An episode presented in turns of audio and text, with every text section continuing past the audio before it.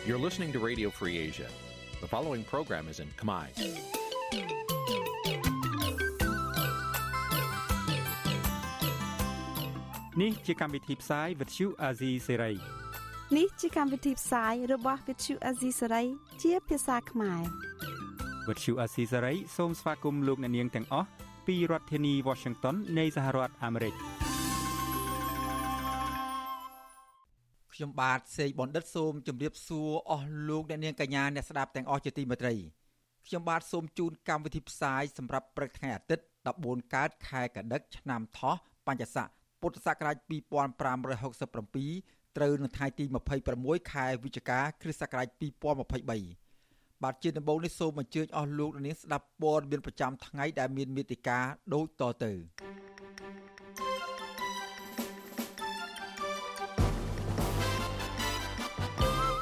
សិស្សប្រឡងជាប់ថ្នាក់ទី12មួយចំនួនប្រឈមនឹងការបោះបង់ក្តីស្រមៃដោយសារកត្តាជីវភាព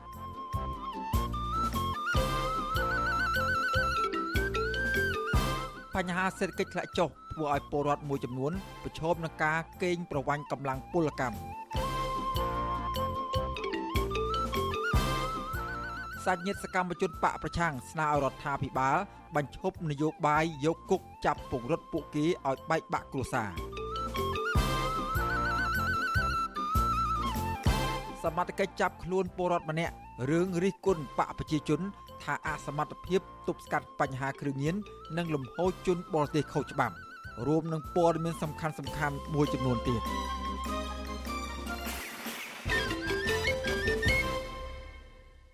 បាទជាបន្តទៅទៀតនេះខ្ញុំបាទសេកបណ្ឌិតសូមជូនព័ត៌មានពិស្ដា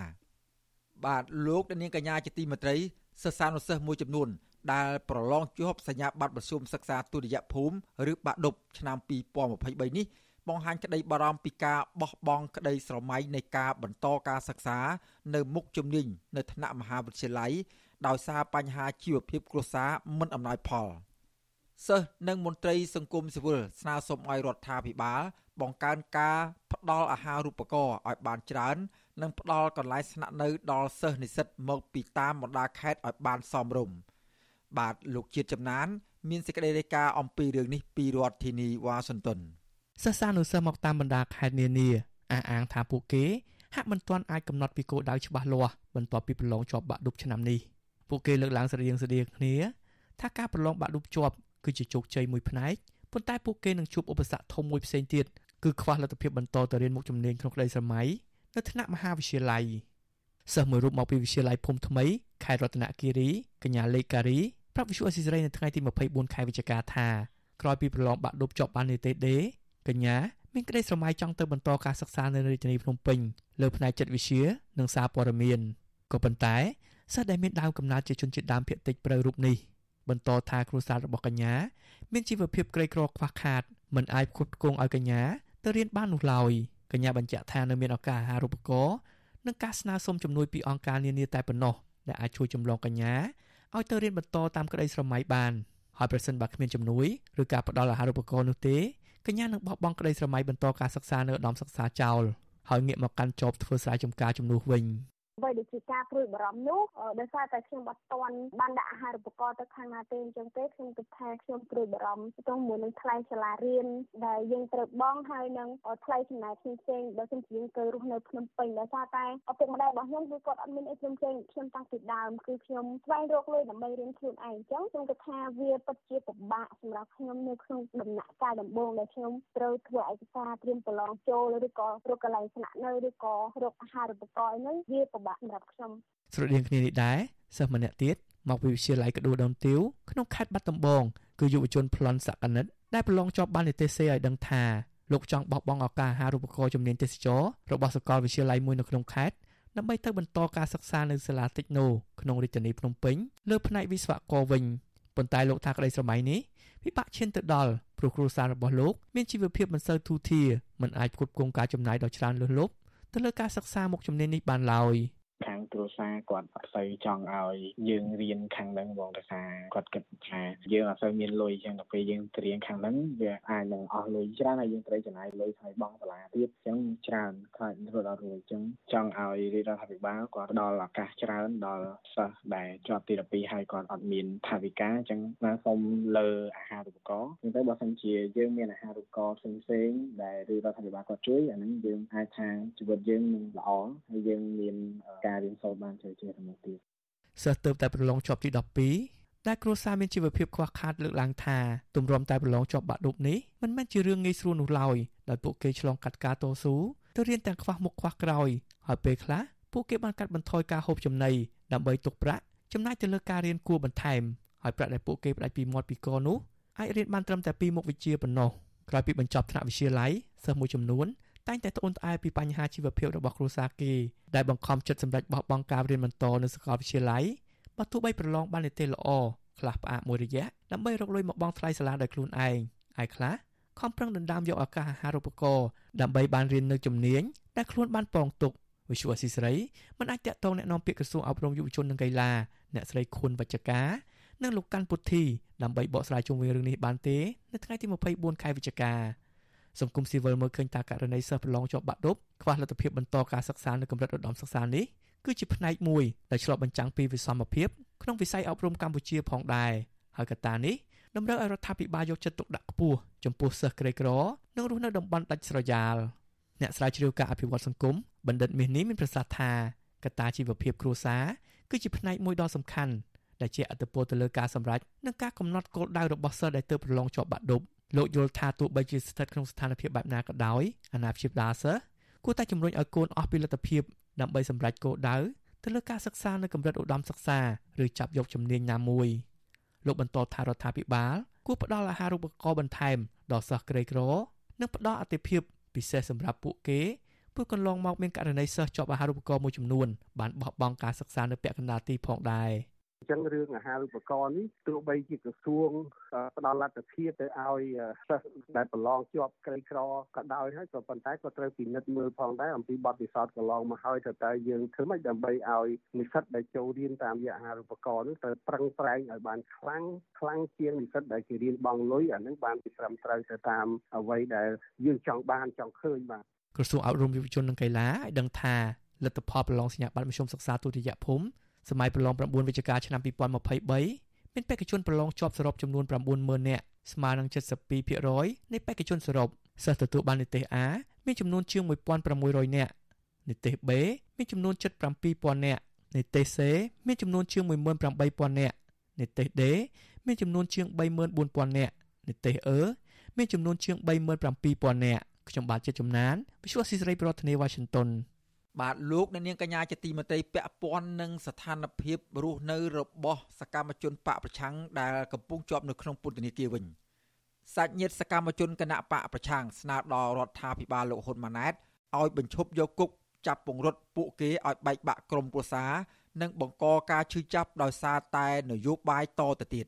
មន្ត្រីសិទ្ធិមនុស្សយល់ថា រដ្ឋាភិបាលគួរដោះស្រាយចំនួននយោបាយនិងដោះលែងអ្នកជាប់ឃុំនយោបាយឲ្យបានជួបជុំក្រុមប្រឹក្សាឡើងវិញដើម្បីផ្សះផ្សាជាតិនិងធ្វើឲ្យពលរដ្ឋខ្មែរគ្រប់និន្នាការនយោបាយរស់នៅដោយសុខដុមរមនាដោយគ្មានការឈឺចាប់ បាទលោកច័ន្ទដារ៉ូរាយការណ៍អំពីរឿងនេះស្របពេលអ្នកកាន់អំណាចកំពុងជួបជុំក្រុមគ្រួសារជិះឡានទំនើបសបាយហឺហា ក្នុងវិឡាស្ដុកស្ដំនោះផ្ទុយទៅវិញ គ្រួសារសកម្មជនគណៈបកប្រឆាំងដែលកំពុងជាប់ពន្ធនាគារក្រោមហេតុផលនយោបាយកំពុងរស់នៅរងទុក្ខលំបាកបែកបាក់គ្រួសារនិងក្រំគ្រាផ្លូវកាយផ្លូវចិត្តរហូតធ្លាក់ខ្លួនឈឺដោយសារអាញាធររដ្ឋាភិបាល បន្តធ្វើទុកបុកម្នេញដាក់សម្ពាធឲ្យគ្រួសារពួកគេដូរជំហរនិងបោះបង់ការតស៊ូពួកគេស្នើឲ្យរដ្ឋាភិបាលថ្មីរបស់លោកហ៊ុនម៉ាណែត ដោះលែងអ្នកទោសមនសិការវិលទៅជួបជុំក្រុមគ្រួសារឡើងវិញកូនប្រុសរបស់សកម្មជនគណៈបកសង្គ្រោះជាតិនៅខេត្តបាត់ដំបង ដែលកំពុងជាប់ពន្ធនាគារព្រៃសរលោកខាន់ប៊ុនផេងគឺលោកនីមសវណ្ណារា ប្រាប់វិទ្យុអាស៊ីសេរី នៅថ្ងៃទី25ខែវិច្ឆិកាថា ចាប់តាំងពីអាញាធររដ្ឋាភិបាលចាប់ឪពុករបស់លោកដាក់ពន្ធនាគារដោយអយុត្តិធម៌ជាច្រើនឆ្នាំមកនេះគ្រួសាររបស់លោករស់នៅរងទុក្ខសោកជាខ្លាំងជាងនេះទៅទៀតលោកឲ្យដឹងថាម្ដាយរបស់លោក គឺលោកស្រីនីមសុកញ្ញាឈឺចិត្តហូបបាយមិនបាន សម្រានមិនលក់ ពីមួយថ្ងៃទៅមួយថ្ងៃ បានធ្លាក់ខ្លួនឈឺធ្ងន់បញ្ជូនទៅសង្គ្រោះបន្ទាន់នៅមន្ទីរពេទ្យកាលពីថ្ងៃទី23ខែវិច្ឆិកាស្របពេលឪពុករបស់លោក គឺលោកខាន់ ប៊ុនផេង មានវ័យកាន់តែចាស់កំពុងធ្លាក់ខ្លួនឈឺដោយគ្មានមន្ត្រីពន្ធនាគារយកចិត្តទុកដាក់បញ្ជូនទៅព្យាបាលជំងឺ នៅខាងក្រៅមន្ទីរឃុំឃាំងនោះទេត្រឹមតែក្រោយពេលគេចាប់ប៉ាខ្ញុំទៅគាត់បែរមានការគិតច្រើនក៏សុខភាពចុះ ទ្រុឌទ្រោមទៅធ្វើឲ្យប៉ះពាល់ជំងឺថ្លើមនឹងកើតឡើងហើយបានបកកទៅជាដាច់សរសៃឈាមនឹងហ្នឹងតាមតាមលក្ខណៈពេទ្យប្រាប់អញ្ចឹងក៏មានការស្នើសុំពីប៉ាខ្ញុំដែរក៏ឲ្យរដ្ឋាភិបាលបានដឹងថាឲ្យគាត់ចេញក្រៅឃុំដើម្បីមកជួបក្រុមគ្រួសារជួបកូនជួបពុនជួបម្ដាយហើយចំពោះម្ដាយគាត់ជរាខ្លាំងដែរចំពោះបញ្ហាដែលគាត់នៅផ្សេងគ្នាអញ្ចឹងមានការព្រួយបារម្ភដែរផ្សេងមានបញ្ហាកើតឡើងកើតឡើងគឺអត់បានជួបគ្នាទេកន្លងទៅ សកម្មជនគណៈបកសង្គ្រោះជាតិមួយចំនួន ដែលត្រូវបានរដ្ឋាភិបាលចាប់ខ្លួន ក្នុងពន្ធនាគារក្រោមហេតុផលនយោបាយនោះ ពួកគេបានឈឺចាប់ខ្លោចផ្សាដោយសារសាច់ញាតិបានទទួលមរណភាព ហើយមិនបានចូលរួមបុណ្យសពក្នុងនោះមានដូចជា ប្រពន្ធរបស់លោកសុកចន្ទថា គឺអ្នកស្រីសោមចន្ទធូនិងម្ដាយក្មេករបស់លោកកកុម្ភាជាដើម។ តំណាងស្ត្រីថ្ងៃសុកនិងជាប្រពន្ធមន្ត្រីគណៈបកសង្គ្រោះជាតិប្រចាំរាជធានីភ្នំពេញលោកកកកំភាគឺអ្នកស្រីព្រំចន្ទថាថ្លែងថាជីវិតគ្រួសារអ្នកតស៊ូដើម្បីជាតិមាតុភូមិជួបតែរឿងទុកសោកខ្លោចផ្សាដែលគ្រួសាររបស់លោកស្រីត្រូវរស់បែកបាក់គ្នា ដោយសារតឡាការមិនឯករាជ្យផ្ដន់ទាទោសឲ្យប្តីអ្នកស្រីជាប់ពន្ធនាគារ6ឆ្នាំ ដោយគ្មានកំហុសទោះជាយ៉ាងណាក្តី លោកស្រីបដិញ្ញាចិត្តបន្តសកម្មភាពទៀមទាយុត្តិធម៌បន្តទៀតទោះបីជាគ្រួសារលោកស្រីទទួលរងការធ្វើទុកបុកម្នេញនិងបំផិតបំភ័យយ៉ាងណាក្តី ក្រុមគ្រួសាររបស់ពួកគាត់ដូចជាគាត់តឡាការរដ្ឋាភិបាលឬក៏សម្ដេចអីក៏ដោយគាត់ជាស្រឡាញ់ក្រុមគ្រួសាររបស់គាត់ចង់ហេតុអីបានជាក្រុមគ្រួសាររបស់ខ្ញុំខ្ញុំក៏ស្រឡាញ់ក្រុមគ្រួសារខ្ញុំដែរហេតុអីបានគាត់អត់គេពិចារណាចេះគិតថាហេតុអីដែលចាប់គាត់អត់កំហុសសោះអញ្ចឹងប្រទេសដែលមានច្បាប់គេត្រូវចាប់អ្នកដែលគាត់អត់កំហុសសោះចាប់ដាក់ពន្ធនាគារអញ្ចឹងទេវាត្រូវមានយើងខ្ញុំក៏មិនដឹងមានវិចារត្រូវនិយាយដោយសារគាត់តឡាការរដ្ឋាភិបាលគាត់ធ្វើឬធ្វើធ្វើខុសយ៉ាងខ្លាំងចំពោះក្រុមគ្រួសាររបស់ពួកខ្ញុំចាវិទ្យុអាស៊ីសេរី មិនអាចតាក់ទងប្រធានអង្គភិបអ្នកណែនាំពាក្យរដ្ឋាភិបាល លោកប៉ែនបូណា និងអ្នកណែនាំពាក្យក្រសួងយុតិធធលោកចិនម៉ាលីន ដើម្បីសាកសួរជុំវិញរឿងនេះបានទេ នៅថ្ងៃទី25ខែវិច្ឆិកានេះជុំវិញរឿងនេះនាយកទទួលបន្ទុកកិច្ចការទូតទៅនៃអង្គការសិទ្ធិមនុស្សលីកាដូ លោកអំសំអាតមើលឃើញថាក្រុមគ្រួសាររបស់អ្នកជាប់ឃុំនយោបាយដែលរងនៅអំពើអយុត្តិធម៌ ងាយរងវិបត្តិផ្លូវចិត្តធ្ងន់ធ្ងរដែលទាញឲ្យពួកគេមានបញ្ហាសុខភាពទ្រុឌទ្រោមប្រឈមនឹងជំងឺផ្សេងផ្សេងដែលគំរាមកំហែងដល់អាយុជីវិតលោកយល់ថារដ្ឋាភិបាលថ្មីគួរទទួលយកសំណើរបស់ក្រមគ្រួសារសកម្មជនទាំងនោះយកទៅពិចារណានិងទទួលយកអនុសាសន៍របស់សហគមន៍ជាតិនិងអន្តរជាតិទៅពិនិត្យដោះស្រាយដើម្បីផលប្រយោជន៍ជាតិពីព្រោះសកម្មភាពពួកគេកន្លងទៅ ជាការអនុវត្តសិទ្ធិសេរីភាព នៅក្នុងសង្គមមិនមែនជាបទល្មើសនោះទេបើសិនជាមានការដោះលែងទៅលើសកម្មជនគណៈបកនយោបាយសកម្មជនសិទ្ធិមនុស្សសកម្មជនបរិស្ថានហើយនឹងមេដឹកនាំសហជីពអានឹងក៏ជាការជួយមួយសម្រាប់រាជរដ្ឋាភិបាលអាណត្តិទី7ក្នុងការអភិវឌ្ឍជាតិដែរពីព្រោះសហគមន៍អន្តរជាតិគេនឹងសាទរហើយយើងអាចទទួលបានផលចំណេញផងដែរ គិតត្រឹមខែវិច្ឆិកានេះមានសកម្មជននយោបាយសកម្មជនសិទ្ធិមនុស្សសហជីពនិងដីធ្លីប្រមាណ40នាក់កំពុងជាប់ឃុំតឡាការបានចោទប្រកាន់ពួកគេដូចដូចគ្នា ពីបទរួមគំនិតក្បត់ញុះញង់ឲ្យមានភាពវឹកវរធ្ងន់ធ្ងរដល់សន្តិសុខសង្គមជាដើម កាលពីពេលថ្មីថ្មីនេះគណៈកម្មការអឺរ៉ុប បានជំរុញឲ្យរដ្ឋាភិបាលរបស់លោកហ៊ុនម៉ាណែតបង្ហាញភាពជឿជាក់ក្នុងការស្ដារប្រជាធិបតេយ្យនិងការគោរពសិទ្ធិមនុស្សជាពិសេសពាក់ព័ន្ធនឹងក្តីកង្វល់ជុំវិញសិទ្ធិពលរដ្ឋនិងនយោបាយរួមទាំងបញ្ហាដីធ្លី និងសិទ្ធិការងារដើម្បីទទួលបានប្រព័ន្ធអនុគ្រោះពន្ធ EBA ពេញលេញឡើងវិញប៉ុន្តែមកដល់ពេលនេះលោកនាយករដ្ឋមន្ត្រីហ៊ុនម៉ាណែតមិនទាន់បញ្ជាក់ពីការបដិញ្ញា ចំពោះក្តីកង្វល់របស់សហភាពអឺរ៉ុបនិងសហរដ្ឋអាមេរិកនៅឡើយទេខ្ញុំបាទច័ន្ទដារោវុទ្ធុអាស៊ីសេរីបាទលោកអ្នកនាងកញ្ញាជាទីមេត្រីតកតងនឹងលំហសេរីភាពនិងសិទ្ធិបញ្ចេញមតិរបស់ប្រជាពលរដ្ឋដែរនោះមានសេចក្តីរាយការណ៍មួយពីខេត្តបន្ទាយមានជ័យឲ្យដឹងថាសមត្ថកិច្ចខេត្តបន្ទាយមានជ័យនៅល្ងាចថ្ងៃទី25វិច្ឆិកាបានចាប់ខ្លួនពលរដ្ឋម្នាក់ក្រៅតុលាការកាត់ទោសឲ្យលោកជាប់ពន្ធនាគារ3ឆ្នាំ ករណីរិះគន់គណៈបកប្រជាជនកម្ពុជារឿងអសមត្ថភាពក្នុងការទប់ស្កាត់បញ្ហាគ្រឿងញៀននិងលំហូរចូលជនបរទេសរស់នៅកម្ពុជាខុសច្បាប់ ការចាប់ខ្លួននេះក្រោយពីលោកកងសារ៉នកាលពីថ្ងៃទី25វិច្ឆិកាបានបញ្ជាក់ចំហនិងបដិញ្ញាមិនចាក់ចេញទៅណាឡើយបើទោះបីជាតុលាការខេត្តបន្ទាយមានជ័យបានផ្ដន់ទាទោសលោកឲ្យជាប់ពន្ធនាគារ3ឆ្នាំ និងចេញដីកាឲ្យចាប់ខ្លួនលោកក៏ដោយ នាយកទទួលបន្ទុកកិច្ចការទូតទៅនៃអង្គការការពារសិទ្ធិមនុស្សលីកាដូលោកអំសំអាតប្រាប់វិទ្យុអស៊ីសេរីនៅថ្ងៃទី25វិច្ឆិកាថាលោកកងសារ៉នត្រូវសមត្ថកិច្ចចាប់ខ្លួននៅស្រុកម៉ាឡៃហើយបញ្ជូនទៅខេត្តបន្ទាយមានជ័យភ្លាមៗនៅល្ងាចថ្ងៃទី25វិច្ឆិកាវិទ្យុអស៊ីសេរីនៅពុំទាន់អាចសុំការឆ្លើយតបពីគ្រួសាររបស់លោកកងសារ៉តបាននៅឡើយទេកាលពីថ្ងៃទី25វិច្ឆិកាតុលាការខេត្តបន្ទាយមានជ័យកាលពីថ្ងៃទី22វិច្ឆិកា បានកាត់ទោសលោកកងសារ៉នឲ្យជាប់ពន្ធនាគារ3ឆ្នាំក្រោមបទចោទប្រកាន់ជេរប្រមាថតាមទីសាធារណៈបទបរហាគេនិងញុះញង់និងបទប្រមាថអង្គព្រះមហាក្សត្រពាក់ព័ន្ធនឹងលោករិះគន់ថាគណៈបកប្រជាជនកម្ពុជាអសមត្ថភាពក្នុងការទប់ស្កាត់បញ្ហាគ្រឿងញៀននិងលំហូរជនបរទេសចូលមកក្នុងប្រទេសកម្ពុជាដោយខុសច្បាប់ការចោទប្រកាន់នេះបន្ទាប់ពីលោកកងសរនបានផ្សាយផ្ទាល់នៅលើបណ្ដាញសង្គម Facebook និយាយរិះគន់ការដឹកនាំប្រទេសរបស់គណៈបកប្រជាជនកម្ពុជា ក្នុងអំឡុងពេលឃោសនារោគសម្លេងឆ្នោតកាលពីថ្ងៃទី2ខែកក្កដាឆ្នាំ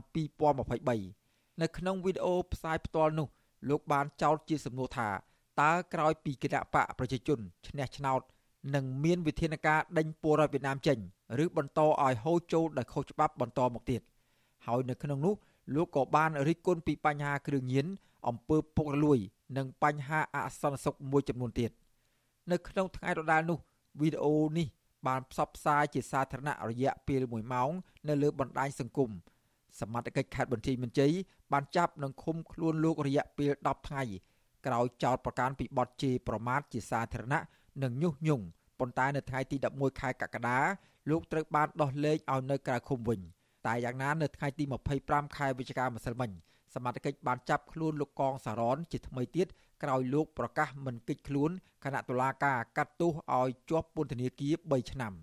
លោកកងសរនប្រាប់បទសុអសីសេរីកាលពីថ្ងៃទី22វិច្ឆិកាដោយចាត់ទុកការកាត់ទោសឲ្យគាត់ជាប់ពន្ធនាគារនោះថាជាទង្វើដ៏អាក្រក់លើអ្នកស្នេហាជាតិនិងបង្ហាញឲ្យឃើញថាអាញាធរមិនខ្វល់ខ្វាយពីបញ្ហាសង្គមឡើយ។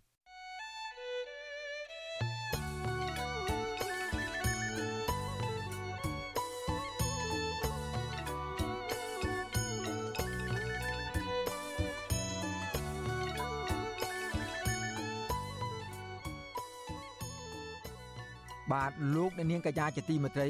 យើងបានទទួលសំណូមពរពីអ្នកស្ដាប់និងទស្សនារបស់យើងជាច្រើនណាស់ថាកុំឲ្យដាក់ចំណងជើងផ្ទុយពីខ្លឹមសារនៃព័ត៌មានឧទាហរណ៍ដូចជា ដាក់ចំណងជើងថា Vivo ហើយលោកហ៊ុនសែនត្រូវតុលាការព្រហ្មទណ្ឌអន្តរជាតិ ICC យកទៅកាត់ទោសជាដើមក៏ប៉ុន្តែពេលចុចស្ដាប់ទៅ មិនលឺនិយាយអំពីរឿងនេះសោះយើងខ្ញុំសូមជម្រាបថា ការដាក់ចំណងជើងខុសពីខ្លឹមសារទាំងនេះ គឺជាការបោកប្រាស់របស់ក្រុមអ្នករកស៊ីតាម YouTube ដើម្បីរកលុយតែប៉ុណ្ណោះពួកគេលួចយកខ្លឹមសារនៃការផ្សាយរបស់វិទ្យុអសីសេរីទៅកាត់តរួចបដូរចំណងជើង តាមរបៀបប្លែកប្លែកហួសហេតុខុសពីការពិត ក្នុងគោលបំណងតាក់ទាញចិត្តលោកនាងកញ្ញាឲ្យទៅចុចស្ដាប់ ឬទស្សនាដើម្បីបាន view ឬបានអ្នកចូលទស្សនាច្រើន។ មានអ្នកចុចស្ដាប់កាន់តែច្រើន ពួកគេក៏កាន់តែរកប្រាក់បានច្រើនដែរអាស៊ីសេរីមិនដែលដាក់ចំណងជើងខុសពីខ្លឹមសារនោះទេ លោកអ្នកនាងកញ្ញាអាចចូលរួមទប់ស្កាត់ការបោកប្រាស់ទាំងនេះបាន ដោយឈប់ចុចស្ដាប់ ឬទស្សនាការផ្សាយណា ដែលដាក់ចំណងជើងខុសប្លែកគួរឲ្យសង្ស័យទាំងនេះ ជាពិសេសទៅទៀតនោះដើម្បីស្ដាប់ឬទស្សនាការផ្សាយពិតរបស់វិទ្យុអាស៊ីសេរី សូមលោកនាង ចូលទៅកាន់ Channel របស់អាស៊ីសេរីតែម្ដង ដែលមានអាសយដ្ឋាន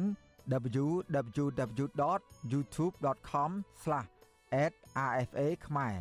បាទសូមអរគុណ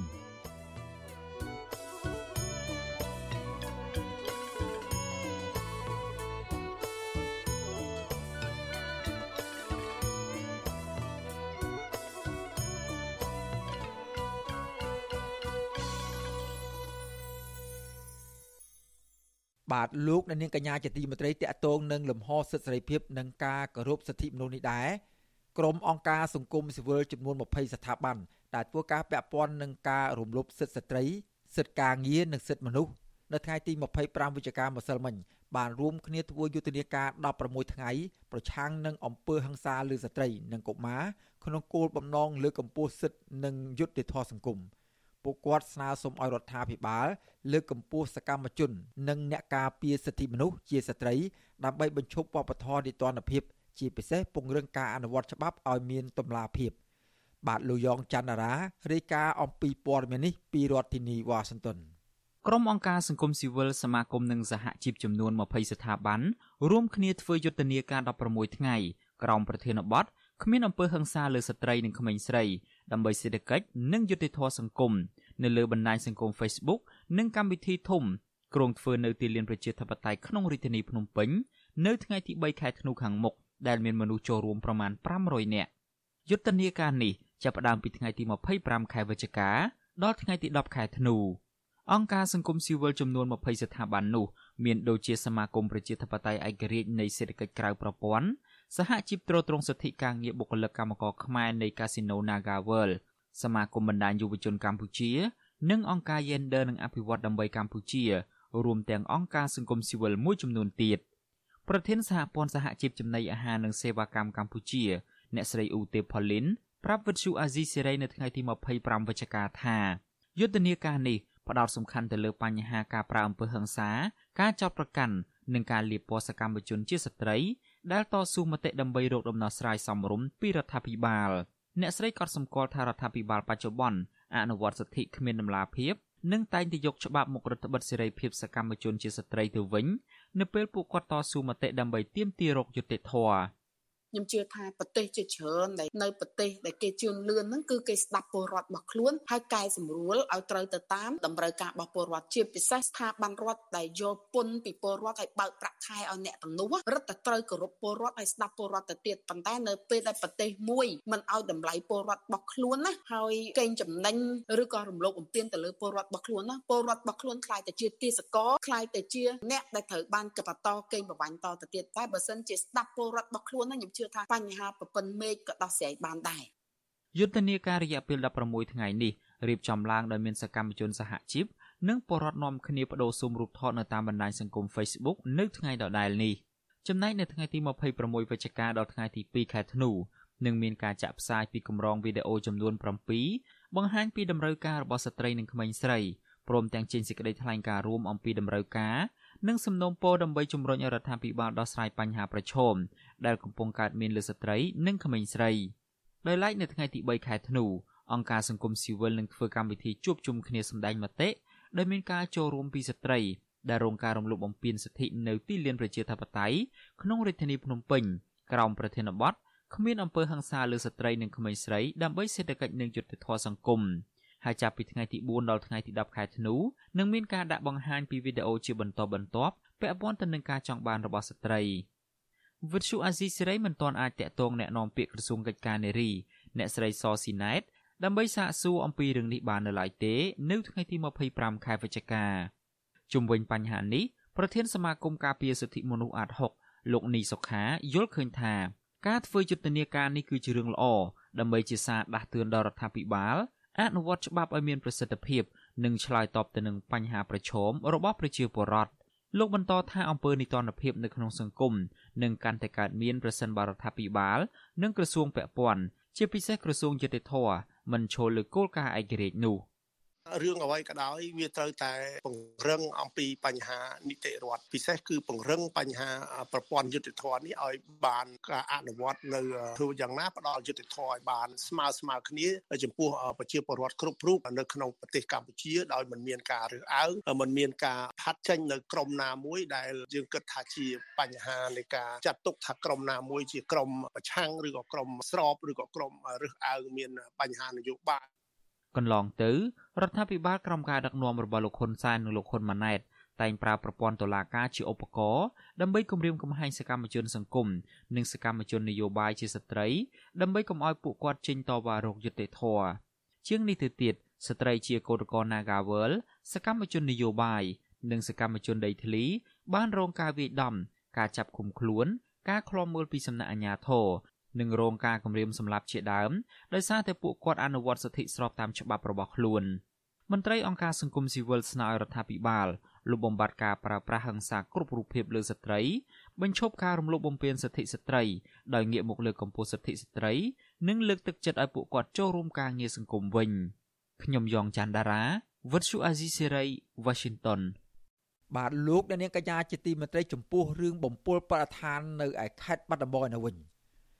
រោងចក្រចិនផលិតអាសុតដែលធ្វើឲ្យលេចធ្លាយសារធាតុពុលចូលទៅក្នុងទឹកស្ទឹងសង្កែកាលពីខែសីហានៅតែបន្តសកម្មភាពដំណើរការផលិតកម្មរបស់ខ្លួន នៅទីតាំងដដែល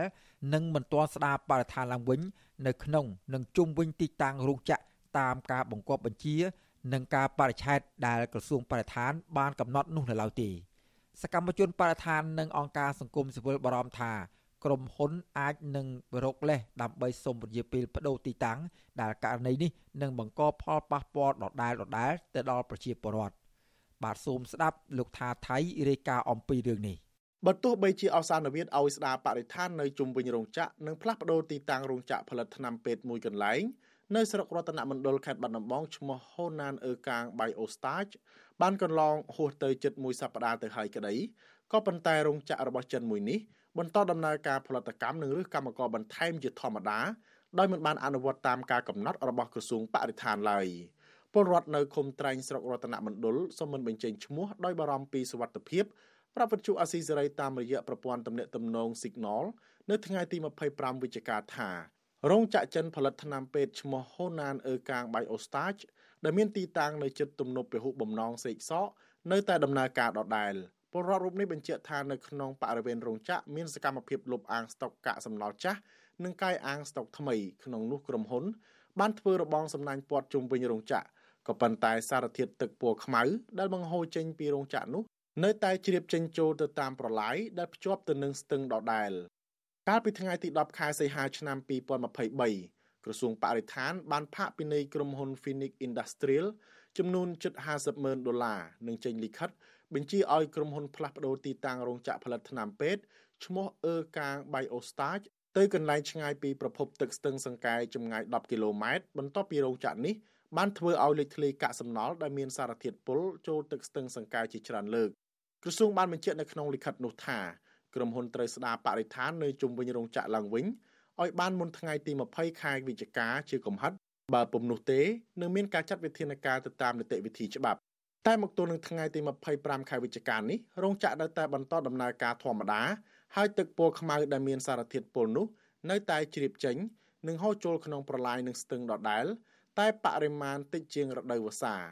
ដោយឡែកនៅក្នុងទំព័រ Facebook ផ្លូវការរបស់រោងចក្រ Hunan Erkang Biostage បានប្រកាសជ្រើសរើសកម្មករផ្នែកសំណង់បញ្ជាទិញជំនាញពិសោធន៍និងបកប្រែភាសាចិនជាធម្មតាអភិបាលស្រុករតនមណ្ឌលលោកគុយវ៉ាណូប្រាប់វិទ្យុអាស៊ីសេរីថា កាលពីពាក់កណ្ដាលខែវិច្ឆិកាក្រសួងបរិស្ថានបានចុះទៅត្រួតពិនិត្យទីតាំងរោងចក្រហ៊ូណានអឺកាងបៃអូស្តាចនេះម្ដងរួចមកហើយក៏ប៉ុន្តែចំពោះការសម្រេចរបស់ក្រសួងទៅលើរោងចក្រយ៉ាងណានោះលោកមិនបានដឹងនោះទេ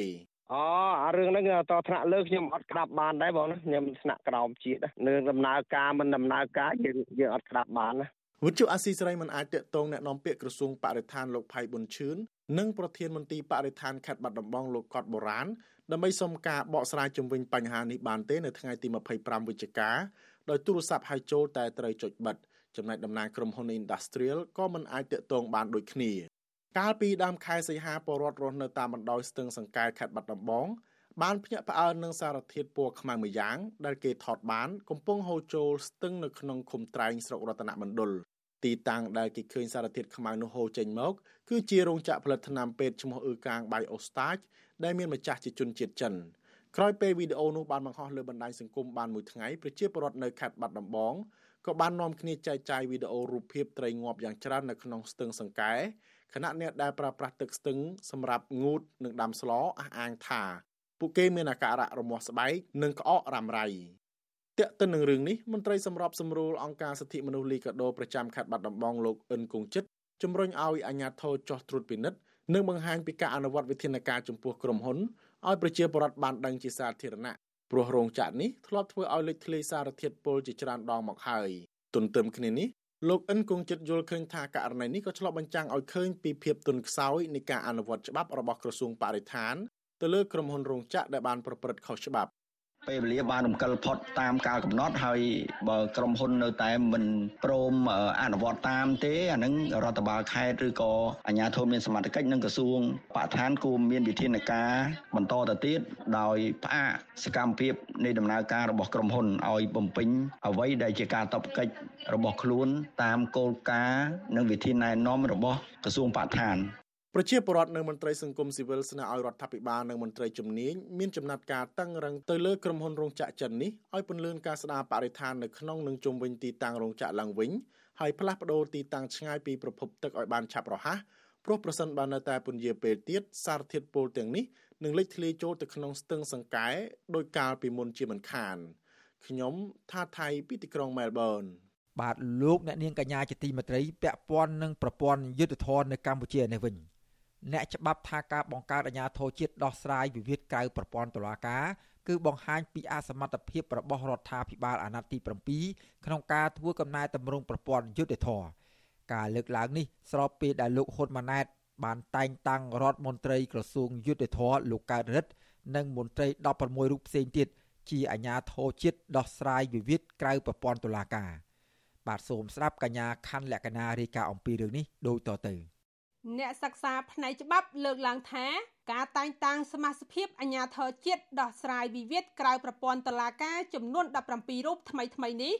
ដើម្បីកិច្ចពីការរិះគន់និងបង្ហាញពីបរាជ័យរបស់រដ្ឋាភិបាល ក្នុងការធ្វើគំណែទម្រង់ប្រព័ន្ធយុតិធម៌នៅកម្ពុជា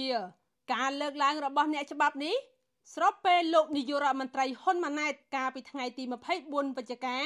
បានតែងតាំងសមាជិកអាជ្ញាធរជាតិដោះស្រាយវិវាទក្រៅប្រព័ន្ធតុលាការចំនួន17រូបដើម្បីបំពេញបន្ថែមនៅយន្តការដែលមានស្រាប់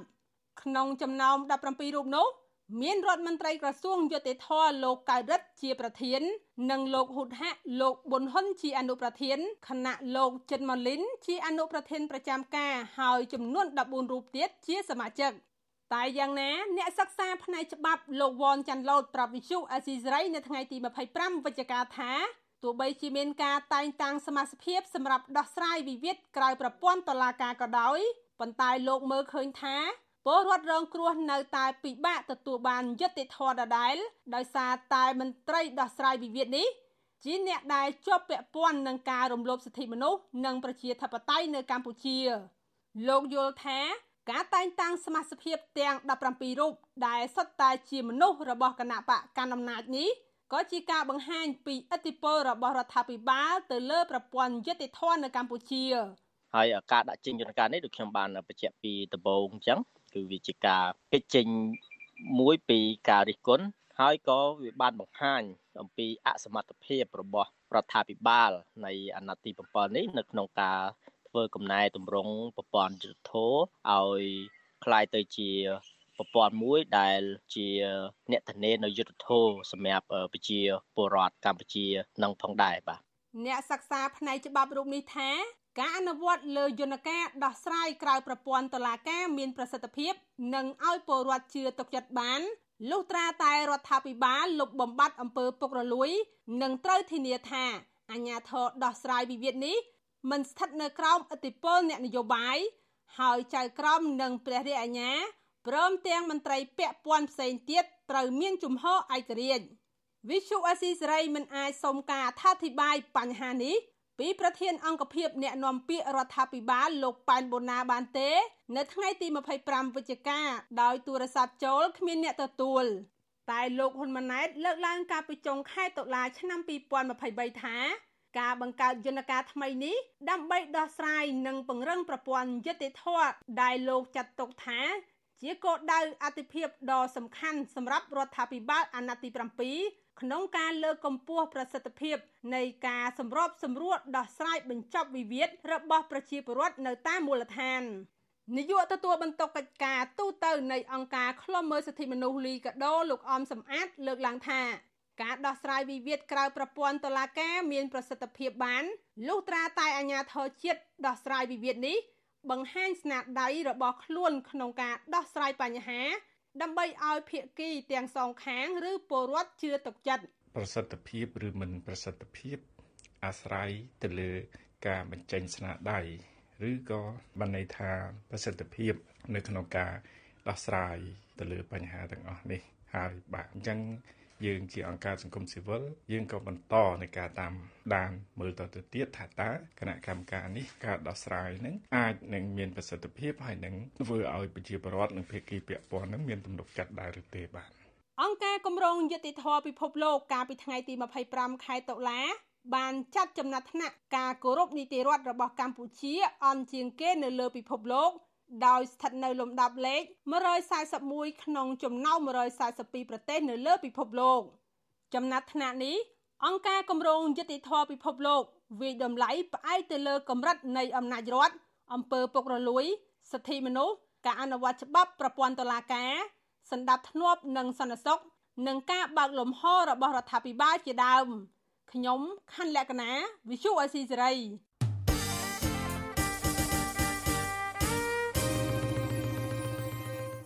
បាទលោកអ្នកនាងកញ្ញាជាទីមេត្រី ចំណែកសេចក្តីរាយការណ៍ពីខេត្តកំពង់ធំឯនោះវិញក្រមយុវជនរបស់អង្គការកម្មវិធីអភិវឌ្ឍធនធានយុវជនហៅកាត់ថា YRDP ខកចិត្តចំពោះអាជ្ញាធរស្រុកសណ្ដានខេត្តកំពង់ធំ ដែលបានព្យាយាមរារាំងពួកគេមិនឲ្យផ្សព្វផ្សាយអប់រំអំពីបរិស្ថាន និងសិលធម៌សង្គមនៅក្នុងមូលដ្ឋាន មន្ត្រីសង្គមស៊ីវិលជំរុញឲ្យអាជ្ញាធរពាក់ព័ន្ធសហការនិងលើកទឹកចិត្តដល់ក្រមយុវជនទាំងនោះ បាទពីរដ្ឋធានី Washington លោកយុនសាមៀនរាយការណ៍អំពីរឿងនេះអញ្ញាធរស្រុកសណ្ដានខេត្តកំពង់ធំបានហាមឃាត់ក្រុមយុវជនស្ម័គ្រចិត្តដែលមានគ្នាប្រមាណ25នាក់រួមទាំងព្រះសង្ឃផងមិនអោយធ្វើធម្មយាត្រាផ្សព្វផ្សាយអប់រំដល់ពលរដ្ឋអំពីសិល5បរិស្ថាននិងបញ្ហាសុខភាពបើទោះបីជាពួកគេបានដាក់លិខិតទៅអាជ្ញាធរឃុំមួយសប្តាហ៍ហើយយ៉ាងណាក្តី ព្រះអង្គតេងចន្ទឌីមានថរដីកាប្រាប់បច្ចុប្បន្នអសីសេរីនៅថ្ងៃទី25ខែវិច្ឆិកាថាអាញាធរស្រុកបានព្យាយាមរារាំងដល់ក្រមនិស្សិតដែលមកពីទីក្រុងភ្នំពេញមិនអោយធ្វើការចែករំលែកចំណេះដឹងអំពីបរិស្ថាន និងសិលធម៌សង្គមដល់សិស្សនិងពលរដ្ឋនៅតំបន់នោះឡើយដោយអាជ្ញាធរនៅតំបន់នោះសំអាងថាក្រមសកម្មជន មិនបានជូនដំណឹងពួកគេជាមុន ទោះបីជាយ៉ាងណាព្រះអង្គតេងចន្ទឌីមានថរដីកាបន្តថាក្រមយុវជន បានដាក់លិខិតជូនដំណឹងដល់អាជ្ញាធរឃុំរួចហើយដោយគ្មានបំណងអ្វីក្រៅពីអប់រំចែករំលែកអំពីបញ្ហាសិទ្ធិមនុស្សចេះស្រឡាញ់ធម្មជាតិអនាម័យនិងចេះយោគយល់ដល់គ្នាទៅវិញទៅមកដោយប្រកាន់ភ្ជាប់នៅសិល5ឡើយ ព្រះអង្គតេងចន្ទឌីចាត់ទុកទង្វើរបស់អាជ្ញាធរធ្វើបែបនេះថាគឺជាការរឹតបន្តឹងសិទ្ធិសេរីភាពរបស់ពលរដ្ឋក្នុងការជួបជុំចែករំលែកចំណេះដឹងដែលដើរផ្ទុយអំពីច្បាប់កម្ពុជារបស់កម្ពុជា ការរៀបរៀងយុវជនអត់ឲ្យទៅចូលរួមសបផ្សាយសិល5អត់ឲ្យចូលរួមថែរក្សាធនធានធម្មជាតិនោះវាជាការរំលោភសិទ្ធិរបស់យុវជនឬក៏ប្រជាពលរដ្ឋយើងមែនតើយើងធ្វើបែបជាប្រយោជន៍រួមហើយត្រូវបានហាមឃាត់ពីពួកគាត់អញ្ចឹងសមាភិបសូមសំណូមពរទៅដល់អាជ្ញាធរទាំងអស់ឲ្យលើកទឹកចិត្តជំរុញឲ្យយុវជនយើងដែលគាត់អត់បានយល់ដឹងអំពីអត្ថប្រយោជន៍នៃធនធានធម្មជាតិក៏ដែនដីដែលជាប់ពាក់ព័ន្ធមួយធនធានធម្មជាតិហ្នឹងដើម្បីលើកទឹកចិត្តគាត់ឲ្យគាត់ងាកមកចូលរួមការពារធនធានធម្មជាតិយើងទាំងអស់គ្នាក្រៅពីកម្មវិធីដើរដង្ហែធម្មយាត្រាផ្សព្វផ្សាយអំពីសិល5បរិស្ថានក្រមយុវជននិងព្រះសង្ឃក៏បានចុះល្បាតព្រៃនិងស្វែងយល់អំពីបរិស្ថាននៅក្នុងព្រៃសហគមន៍អូដាស្កូផងដែរពួកគេរកឃើញថាព្រៃឈើតំបន់មួយនេះកំពុងតែរងការកាប់ទន្ទ្រានយកដីព្រៃធ្វើជាកម្មសិទ្ធិប្រមាណជាង300ហិកតាដែលជាព្រៃបំរុងទុកអចិន្ត្រៃយ៍របស់រដ្ឋជាប់តំបន់ព្រៃឡង់ ក្រមយុវជនថាអាញាធរគួរយកចិត្តទុកដាក់ទប់ស្កាត់បទល្មើសព្រៃឈើប្រសើរជាងមករារាំងក្រមយុវជនយុវតីម្នាក់មកពីខេត្តបន្ទាយមានជ័យដែលបានចូលរួមកម្មវិធីធម្មយាត្រានេះសូមមិនបញ្ចេញឈ្មោះដោយព្រួយបារម្ភពីសុវត្ថិភាពឲ្យដឹងថាអាញាធរគួរសហការនិងលើកទឹកចិត្តដល់យុវជនដែលស្ម័គ្រចិត្តជួយអប់រំពលរដ្ឋដល់មូលដ្ឋាន និងជាប្រយោជន៍រួមរបស់សង្គម វិជាពលរដ្ឋជួយឆ្អាលអំពីបញ្ហាសង្គមចេះជួយមិនថារឿងប្រៃឆើមិនថាអីពួកគាត់គួរណាតែជួយសម្រាប់សម្រួលផ្លូវក្នុងការធ្វើធម្មយាត្រានៅវិញតែដោយឡែកគាត់ដូចជាមករៀបយ៉ាងបន្ថែមអញ្ចឹងហើយដែលជាសំណុំពររបស់ខ្ញុំសំណុំពរដល់អាញាធរឬក៏មេភូមិមេភូមិវិស្វអីទេសំខាន់គឺត្រូវស្គាល់ពីតំណែងឬទូរនទីរបស់គាត់ថាគាត់មានទូរនទីធ្វើអីវិទ្យុអាស៊ីសេរីមិនអាចតាក់ទងអភិបាលស្រុកសណ្ដាន លោកអុកវ៉ាន់រ៉ានិងមេឃុំមានរិទ្ធលោកស្រីសៀកបានទីនៅថ្ងៃទី25ខែវិច្ឆិកាដោយទូរស័ព្ទចូលជាច្រើនដងតែគ្មានអ្នកលើកតាក់ទងទៅនឹងរឿងនេះអ្នកនាំពាក្យសមាគមការពារសិទ្ធិមនុស្សអាត6លោកសឹងសានករណាយល់ឃើញថាអាញាធរកំពុងតែដើរផ្ទុយពីច្បាប់កម្ពុជារបស់កម្ពុជា និងជាសង្គមលទ្ធិប្រជាធិបតេយ្យគួរ មានការបង្ងើយកន្តើយទេក្នុងរឿងនេះគួរតែមានវិធានការដើម្បីទប់ស្កាត់កុំឲ្យបញ្ហាហ្នឹងចេះតែកើតមានឡើងដែលអាចរងការរិះគន់ពីមជ្ឈដ្ឋាននានាថាប្រទេសកម្ពុជាយើងនឹងជាប្រទេសប្រជាធិបតេយ្យប៉ុន្តែផ្ទុយទៅវិញសកម្មភាពទាំងឡាយរបស់អាជ្ញាធរនឹងបែរទៅជាប្រើប្រាស់អេរិយាបថទៅរដ្ឋបិតរារាំងអីទាំងអស់ហ្នឹងវាហាក់ដូចជាមិនមែនជាប្រទេសប្រជាធិបតេយ្យទៅវិញបាទក្រមយុវជនអះអាងថាក្នុងរយៈពេល3យប់4ថ្ងៃនៃដំណើររបស់ពួកគេ ពួកគេរកឃើញនៃការកើនឡើង ការកាប់ទន្ទ្រានដីព្រៃខុសច្បាប់ ការប្រើប្រាស់គ្រឿងញៀនបញ្ហាអសន្តិសុខនៅក្នុងភូមិឃុំកុមារបោះបង់ការសិក្សាត្រឹមថ្នាក់បឋមសិក្សាពលរដ្ឋចំពាក់បំណុលធនាគារការធ្វើចំណាកស្រុកកង្វះអាហារូបត្ថម្ភខ្វះទីផ្សារសម្រាប់លក់កសិផលរបស់ពលរដ្ឋនិងតម្លៃមិនសមរម្យជាដើមខ្ញុំយុនសាមៀនវិទ្យុអាស៊ីសេរីប្រធានាធិបតី Washington បាទចំពោះសេចក្តីរាយការណ៍ដែលពាក់ព័ន្ធនឹងវិបត្តិសេដ្ឋកិច្ចដែលកំពុងចោទបញ្ហាធ្ងន់ធ្ងរទៅដល់ប្រជាពលរដ្ឋឯនោះវិញវិបត្តិសេដ្ឋកិច្ចធ្លាក់ចុះរុញច្រានឲ្យប្រជាពលរដ្ឋមួយចំនួន ដែលមានជីវភាពក្រីក្រ និងជំពាក់បំណុលធនាគារបង្ខំចិត្តធ្វើការងារដោយទទួលបានប្រាក់កម្រៃទាបហើយប្រឈមនឹងការកេងប្រវ័ញ្ចពលកម្មពីសំណាក់ថៅកែក្រុមហ៊ុន និងអ្នកម៉ៅការមន្ត្រីសង្គមស៊ីវិលថារដ្ឋាភិបាល និងក្រសួងពាក់ព័ន្ធ គួរតែដាក់ចេញនូវវិធានការច្បាប់ឲ្យបានជាក់លាក់ដើម្បីទប់ស្កាត់អំពើកេងប្រវ័ញ្ចកម្លាំងពលកម្មលើកម្មករនិងសម្រួលដល់ធនាគារឬគ្រឹះស្ថានមីក្រូហិរញ្ញវត្ថុពន្យាពេលឲ្យពួកគាត់សងបំណុលបាទសូមស្ដាប់សេចក្តីរាយការណ៍ពិស្ដាររបស់លោកមានរិទ្ធអំពីរឿងនេះពីរដ្ឋធានីវ៉ាស៊ីនតោនប្រជាពលរដ្ឋមួយចំនួន ដែលប្រកបមុខរបរជាកម្មករសំណង់កម្មកររោងចក្រនិងកម្មករស៊ីឈ្នួលកាត់ស្មៅនៅក្រុមហ៊ុនដាំដើមកស៊ូ កំពុងប្រឈមទៅនឹងការកេងប្រវ័ញ្ចកម្លាំងពលកម្មធ្ងន់ធ្ងរដោយសារកត្តាជីវភាព និងការជំពាក់បំណុលធនាគារអំពើកេងប្រវ័ញ្ចកម្លាំងពលកម្មដោយខុសច្បាប់នេះធ្វើឲ្យប៉ះពាល់ដល់សុខភាពពលរដ្ឋនិងជាការរំលោភបំពានសិទ្ធិជាមូលដ្ឋានរបស់ពួកគាត់កម្មករសំណង់ម្នាក់រស់នៅខេត្តកំពង់ឆ្នាំងលោកអ៊ុំសុភីប្រាវិសុយស៊ីស្រីនៅថ្ងៃទី22ខែវិច្ឆិកាថា ក្រុមគ្រួសាររបស់លោកមានជីវភាពលំបាកលំបិននិងពុំមានប្រាក់គ្រប់គ្រាន់សម្រាប់ផ្គត់ផ្គង់ឲ្យកូនកូនរៀនសូត្រនោះឡើយលោកបន្តថាកត្តាជីវភាពលំបាកលំបិនបែបនេះហើយទើបបានជាបើទោះបីជាអ្នកមកការសំណងបន្ថយប្រាក់ឈ្នួលរបស់លោកពី40000រៀលមកសល់ត្រឹមតែ30000រៀលក្នុងមួយថ្ងៃក៏ដោយក៏លោកត្រូវបង្ខំចិត្តធ្វើដែរព្រោះតែគ្មានជំរឿ លោកអ៊ុំសុភីបន្ថែមថាអ្នកមកការសំណងមួយចំនួនមិនបើកលុយឲ្យលោកនោះទេដែលធ្វើឲ្យលោកកាន់តែមានជីវភាពលំបាកលំបិន អើយចំពោះខ្ញុំវិញជាពាក់នៅគេច្រើនហ្នឹងហើយរាល់ថ្ងៃពាក់នៅច្រើនតែតែយើងដើរយើងដើរមកការអាសំណងអញ្ចឹងយើងធ្វើការសំណងយើងមិនខ្ចីទុនគេដើម្បីយកយកមកធ្វើធ្វើដើរអញ្ចឹងណាដល់ពេលធ្វើហើយអាពួកពីមកយើងធ្វើហ្នឹងគេអត់បើកលុយឲ្យយើងគេអត់អីអញ្ចឹងទៅរាល់6 3 4ឆ្នាំហើយគេអត់បើកលុយឲ្យយើងផងហើយណាស់តែយើងមិនទៅពាក់គេតកាន់តែតតទៅសំណុលអញ្ចឹងវាពាក់ណុលគេពាក់ច្រើនណាស់អ្នកដែលធ្វើការទាំងអស់ហ្នឹងគេពាក់ខ្ញុំច្រើនដែរតែគាត់អាយើងក៏จะពាក់គេតទៅទៀត ស្រដៀងគ្នានេះដែរកម្មករស៊ីឈ្នួលកាត់ស្មៅឲ្យក្រុមហ៊ុនចំការកស៊ូនៅស្រុកអណ្ដូងមាសខេត្តរតនគិរី លោករម៉ាំទិញរៀបរាប់ថាបច្ចុប្បន្ននេះលោកស៊ីឈ្នួលកាត់ស្មៅគេ គឺពុំទទួលបានប្រាក់កម្រៃច្រើនដោយការពីពេលមុននោះទេ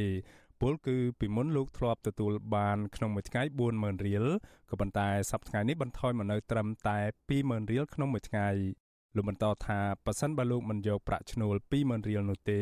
នោះធ្វើការក្រុមហ៊ុននឹងជួលកម្មករផ្សេងជំនួសវិញដូច្នេះហើយបើទោះបីជាលោកចំណាយកម្លាំងច្រើន ហើយទទួលបានប្រាក់កម្រៃទាបក៏លោកធ្វើដែរពីព្រោះលោកមានតម្រូវការនៅក្នុងគ្រួសារខ្ពស់ ខ្ញុំរាល់ថ្ងៃហ្នឹងគ្រួសារខ្ញុំផ្ទាល់គឺសូមនឹងលុយបងធនាគារហ្មងបានបើសិនជាដូចជា អង្គអីយើងមានធ្វើ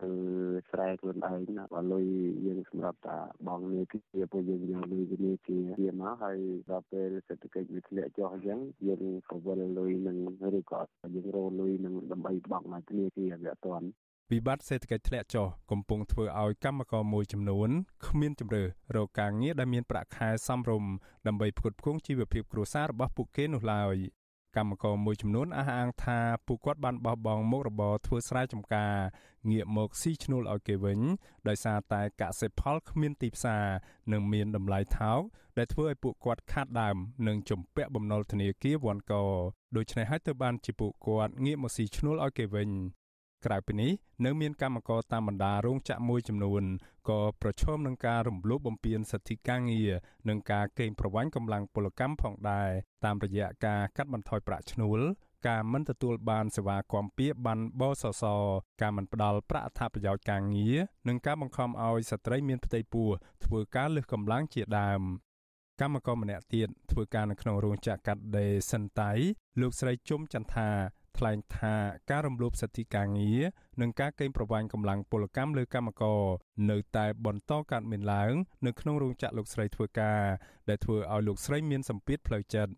លោកស្រីមិនរំពឹងថាក្រសួងការងារនិងក្រសួងពាក់ព័ន្ធអាចដោះស្រាយបញ្ហានេះបាននោះទេពីព្រោះកម្មករពុំមានលុយនិងពុំមានអំណាចដោយថកែរោងចក្រពេល កម្មករធំស្នើថ្ងៃបុណ្យថ្ងៃទៀនខាងកម្មករគាត់ចង់ឈប់សម្រាកច្រើនថ្ងៃឲ្យខាងរដ្ឋបាលឬក៏ខាងស្តែរោងចក្រដូចថាពួកខ្ញុំជាកម្មករស្នើសុំអញ្ចឹងគឺអត់បានទេតែក៏ខាងរោងចក្រស្នើសុំមកកម្មករវិញឲ្យធ្វើថ្ងៃបុណ្យផងទៅរោងចក្រលើកធ្វើទៅថ្ងៃដែលកម្មករដែលអត់ចង់ធ្វើអញ្ចឹងគឺរោងចក្រគឺធ្វើតែចិត្តឯងអត់ស្របយោបល់តាមកម្មករឬក៏ផ្ដោតចិត្តឲ្យកម្មករតើតើនឹងបញ្ហាសេដ្ឋកិច្ចធ្លាក់ចុះ ធ្វើឲ្យមានការកេងប្រវ័ញ្ចកម្លាំងពលកម្មនេះអ្នកនាំពាក្យក្រសួងសេដ្ឋកិច្ចនិងហិរញ្ញវត្ថុលោកមាសសុកសេនសានប្រាប់វិសុអាស៊ីស្រីតាមបណ្ដាញសង្គម Telegram ថា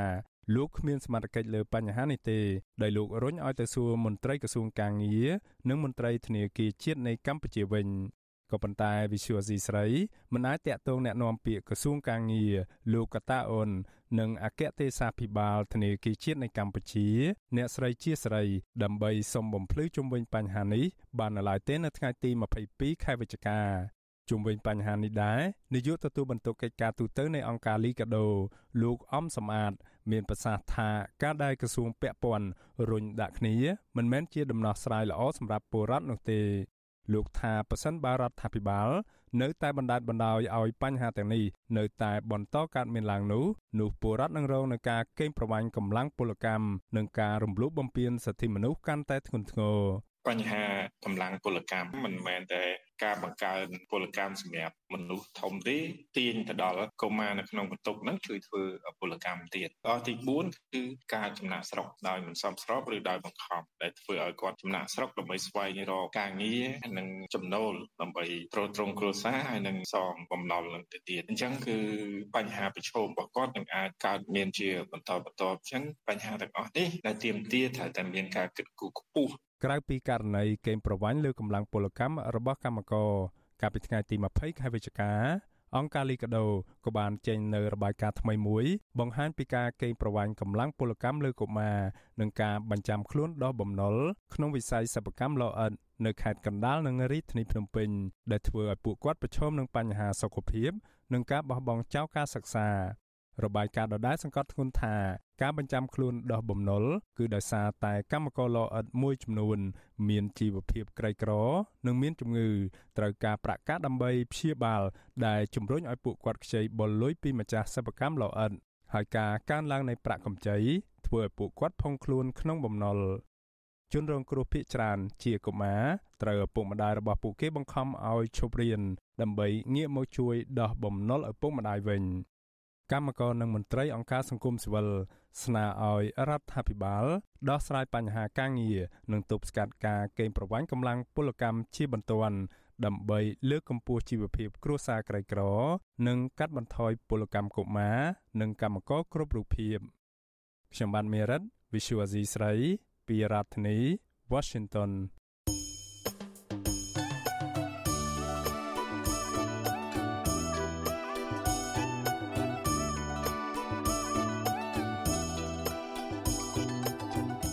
បាទលោកដានៀងកញ្ញាកំពុងតាមដានស្ដាប់ការផ្សាយរបស់វិទ្យុអាស៊ីសេរីពីរដ្ឋធានីវ៉ាស៊ីនតោនសហរដ្ឋអាមេរិកក្រៅពីអស់លោកដានៀងតាមដានស្ដាប់ការផ្សាយរបស់យើងខ្ញុំតាមរយៈបណ្ដាញសង្គមមាន Facebook YouTube និង Telegram ជាដើមនោះលោកដានៀងក៏អាចស្ដាប់ការផ្សាយរបស់វិទ្យុអាស៊ីសេរីតាមរយៈវិទ្យុរលកធាតុអាកាសខ្លីដែលមានកម្រិតនិងកម្ពស់ដូចតទៅនេះ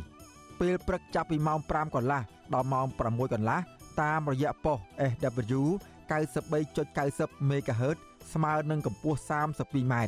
និងប៉ុស SW 11.85 MHz ស្មើនឹងកម្ពស់ 25m ពេលយប់ចាប់ពីម៉ោង7កន្លះដល់ម៉ោង8កន្លះតាមរយៈប៉ុស SW 93.30 MHz ស្មើនឹងកម្ពស់ 32m ប៉ុស SW 11.88 MHz ស្មើនឹងកម្ពស់ 25m និងប៉ុស SW 15.15 MHz ស្មើនឹងកម្ពស់ 20m បាទសូមអរគុណ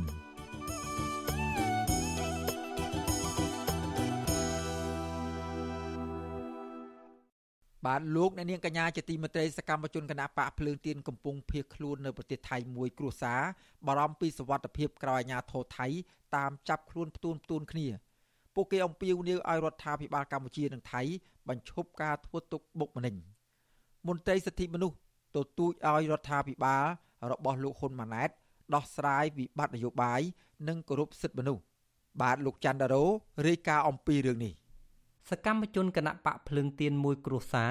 បង្ខំចិត្តរត់ភៀសខ្លួនដើម្បីគេចពីការធ្វើទុកបុកម្នេញរបស់សមត្ថកិច្ចកម្ពុជាកំពុងប្រឈមគ្រោះថ្នាក់ដល់សវត្ថភាពដោយសារសកម្មភាពតស៊ូមតិនៅក្រៅប្រទេស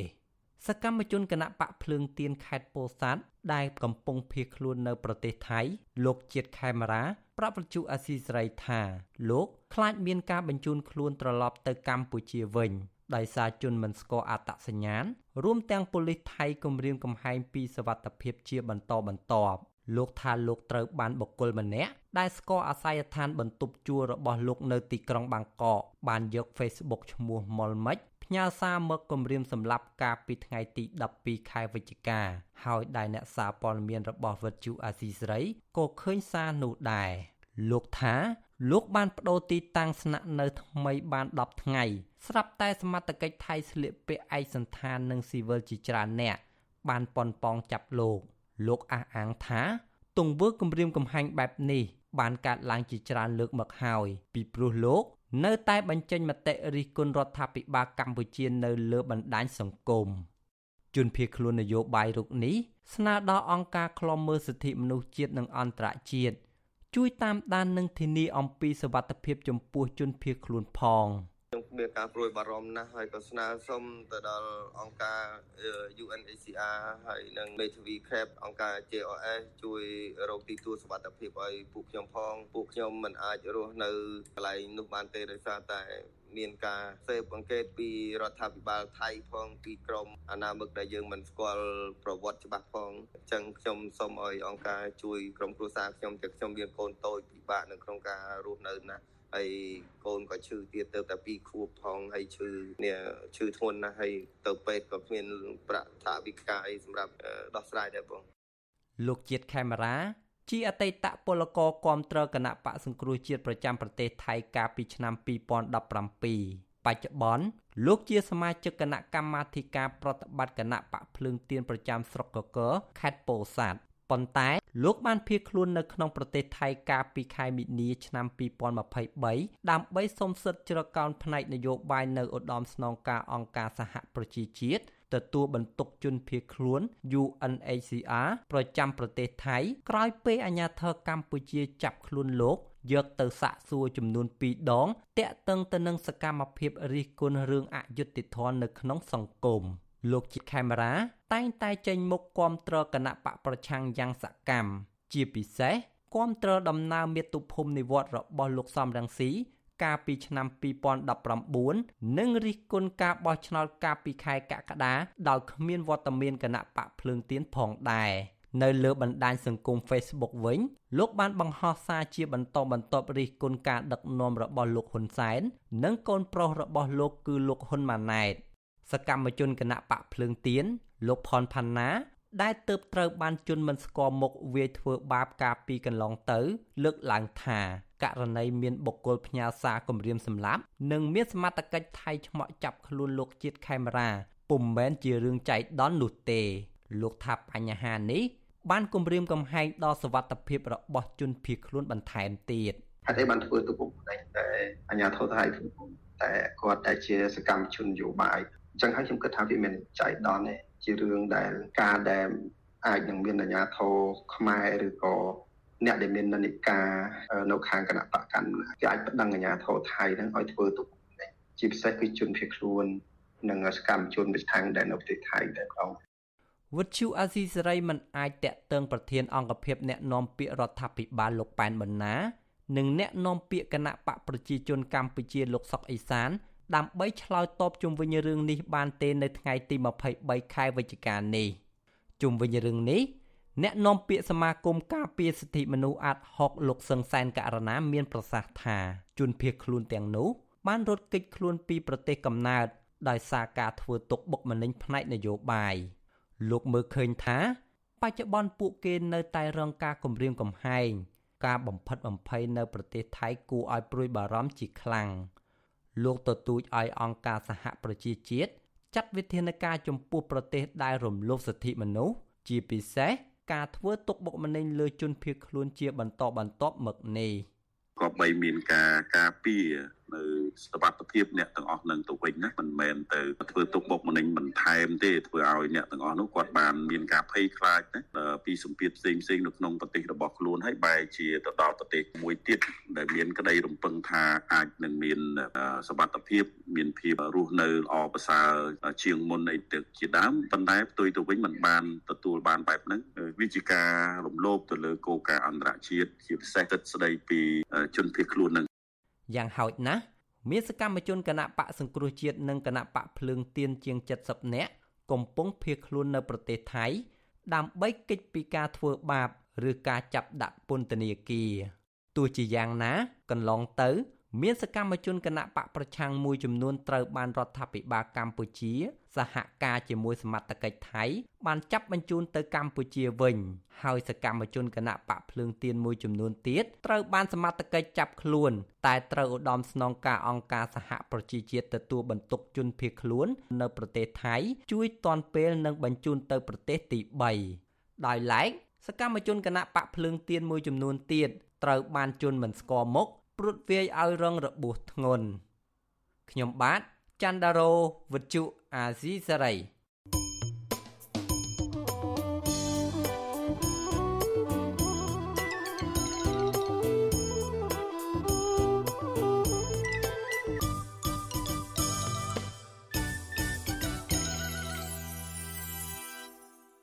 បាទលោកអ្នកនាងកញ្ញាជាទីមេត្រី កម្មវិធីផ្សាយរបស់វិទ្យុអសីសេរីសម្រាប់ព្រឹកថ្ងៃសៅរ៍នេះបានឈានដល់ទីបញ្ចប់ហើយ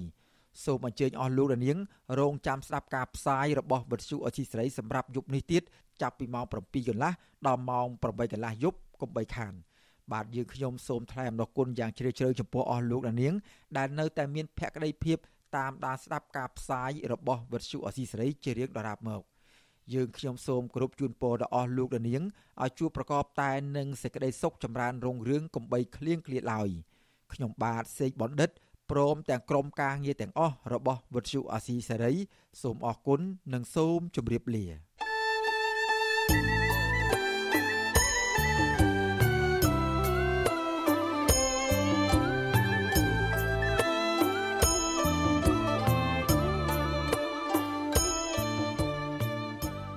ទ្យុអេស៊ីសេរីផ្សាយតាមរលក ធារកាសខ្លីតាមកម្រិត និងកម្ពស់ដូចតទៅនេះ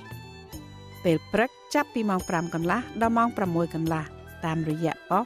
SW 93.90 MHz ស្មើនឹងកម្ពស់ 32m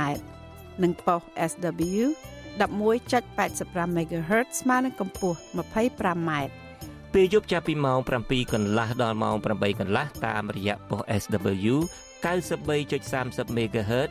ស្មើនឹងកម្ពស់ 32m ប៉ុស SW 11.88 MHz ស្មើនឹងកម្ពស់ 25m និងប៉ុស SW 15.15 MHz ស្មើនឹងកម្ពស់ 20m